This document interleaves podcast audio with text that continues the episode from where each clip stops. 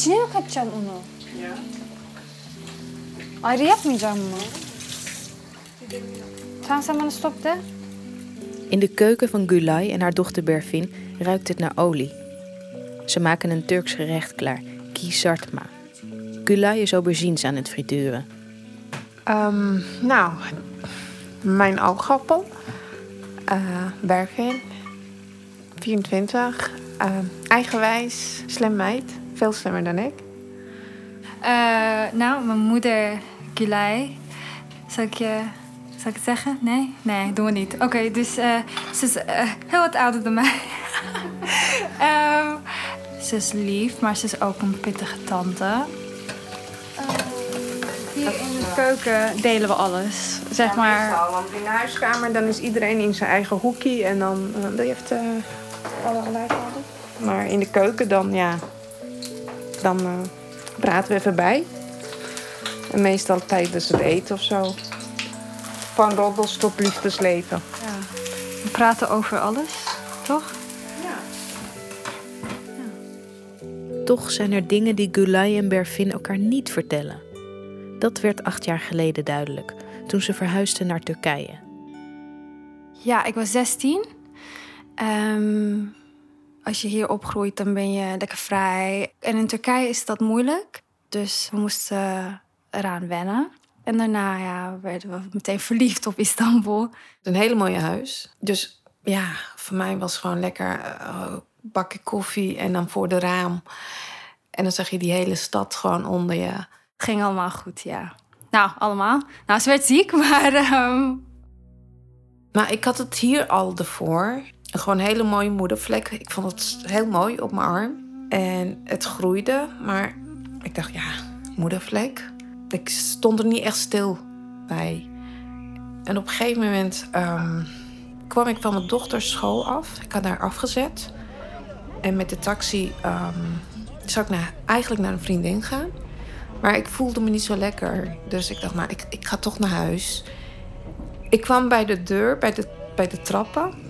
En ik kon niet meer. Mijn hele lichaam trilde, me eh, zweten. Mijn vriendin kwam. Ehm, ze bracht me meteen naar het ziekenhuis. En op een gegeven moment komt die eh, dermatoloog naar me toe en hij zegt van, eh, dit moet eruit. Dit moet nu meteen uit.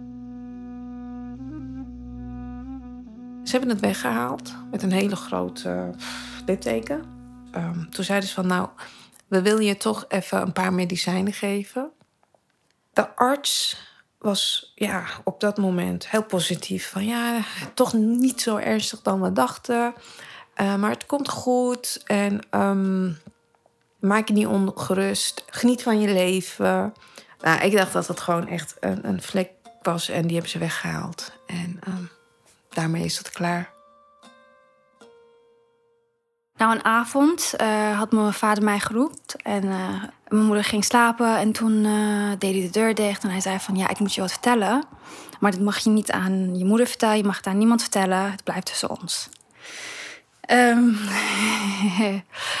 en toen zei hij van, ja, je moeder heeft kanker. Ze heeft nog drie maanden om te leven. En...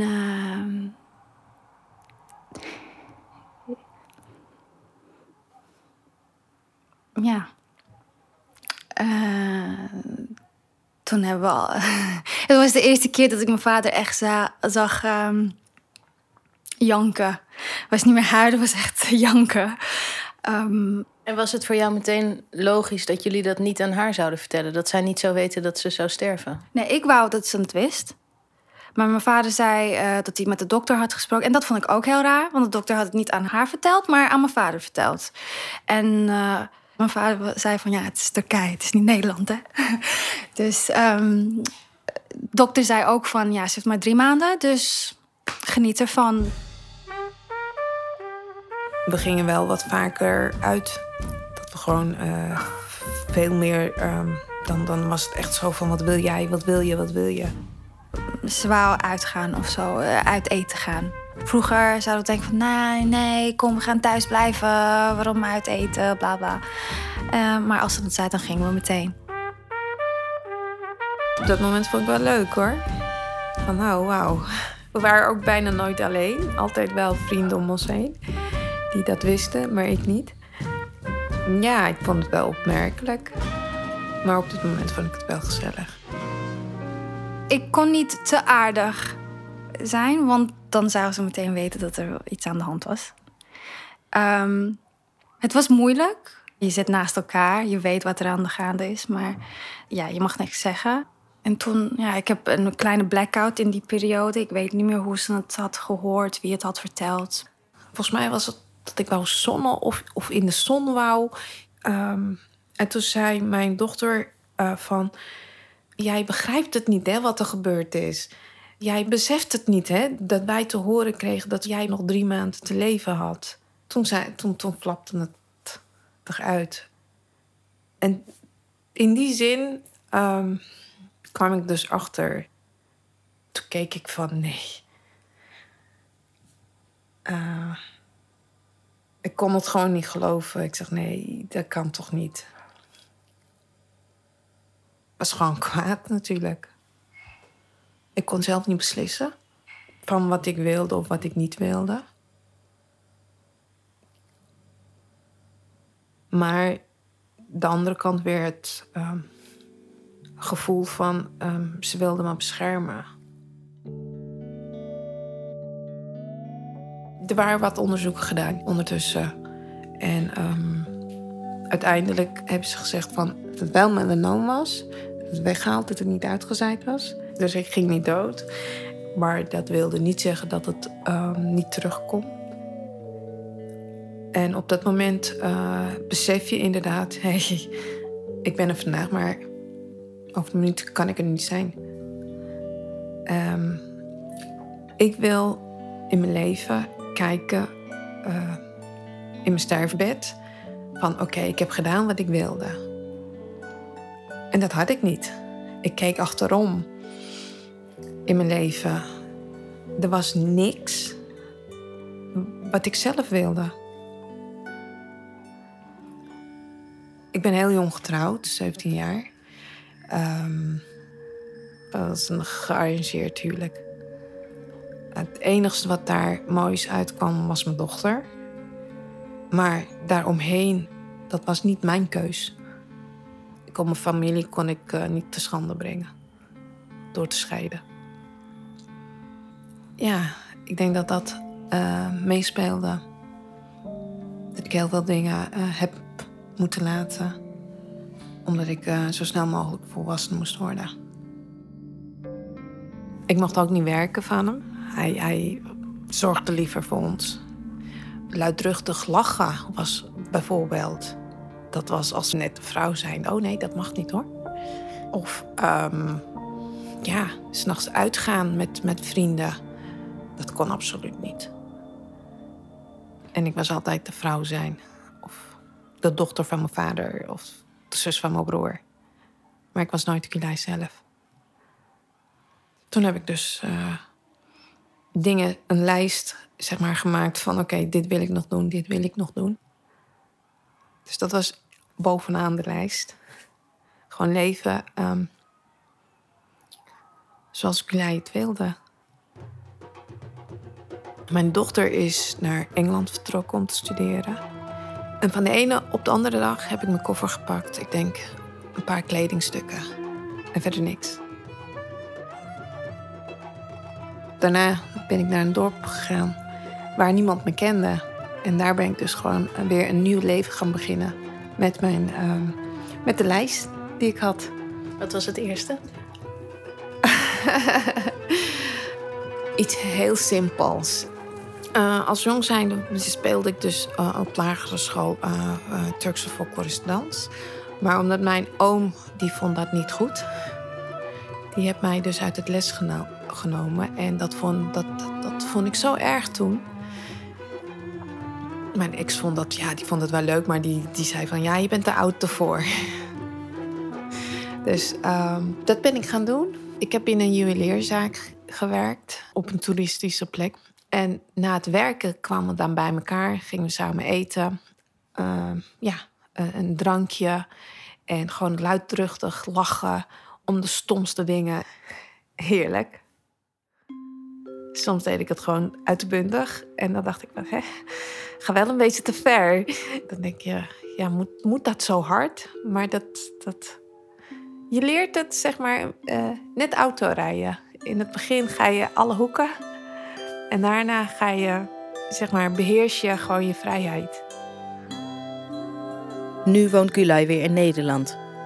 Als vrijwilliger bij Stichting Gezondheid Allochtone Nederland begeleidt ze nu patiënten en hun familieleden tijdens het ziekteproces. Heel veel hebben uh, taalproblemen, waardoor dus een familielid bij zit die het moet vertalen. En uit bescherming horen ze meestal van: oké, uh, je bent wel ziek, maar uh, heel veel verhalen, hele, hele andere verhalen van alle hoeken. En als de patiënt wel toevallig Nederlands spreekt, dan wordt het heel. Dan beschermt die weer de familie, die vertelt dan: ik heb niks. Het is, ja, in onze cultuur nog steeds heel normaal.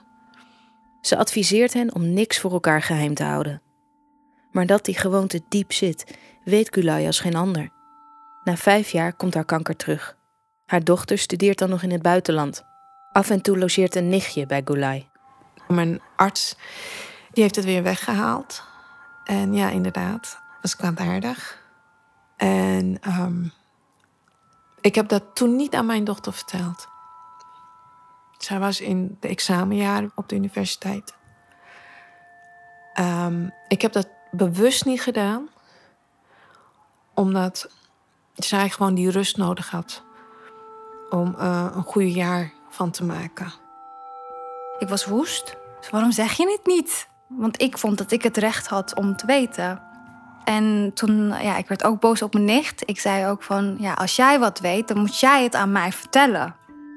Toen hebben ze gezegd van dat ik uh, voortaan wel aan haar moet vertellen. Dat het best aan kan. Uh, nou, ik heb beloofd van oké, okay, uh, als er wat is, dan uh, vertel ik het. Ook al vraag ik aan haar van hoe gaat het met je, hoe is je dag? Dan vraag ik ook even aan mijn nicht van hoe gaat het met iedereen? Is er wat te vertellen? en dan uh, soms krijg ik wat te horen. Vier weken geleden was, was weer een stuk uh, weggehaald. Maar ik had het er niet verteld. Maar toch, je houdt zelf ook een taboe in, in stand door het niet je dochter te vertellen. Ja, dat klopt het zit er toch in. Dus ik, dan begrijp ik ook mensen heel vaak van als ze het niet willen vertellen, adviseer ik natuurlijk wel om het wel te vertellen. Maar um, zelf doe ik het niet, inderdaad. Het is, ja, ik weet het niet. Het is het, wat je niet weet. Dat deert niet. Maar dus daarom, ja, het is je kind je, je, je wilt gewoon niet dat ze, dat ze lijdt. Um, als ik nadenk van hoe zij het alleen moest verwerken toen. Um, nee, wil ik het pas zeggen als het over, over is.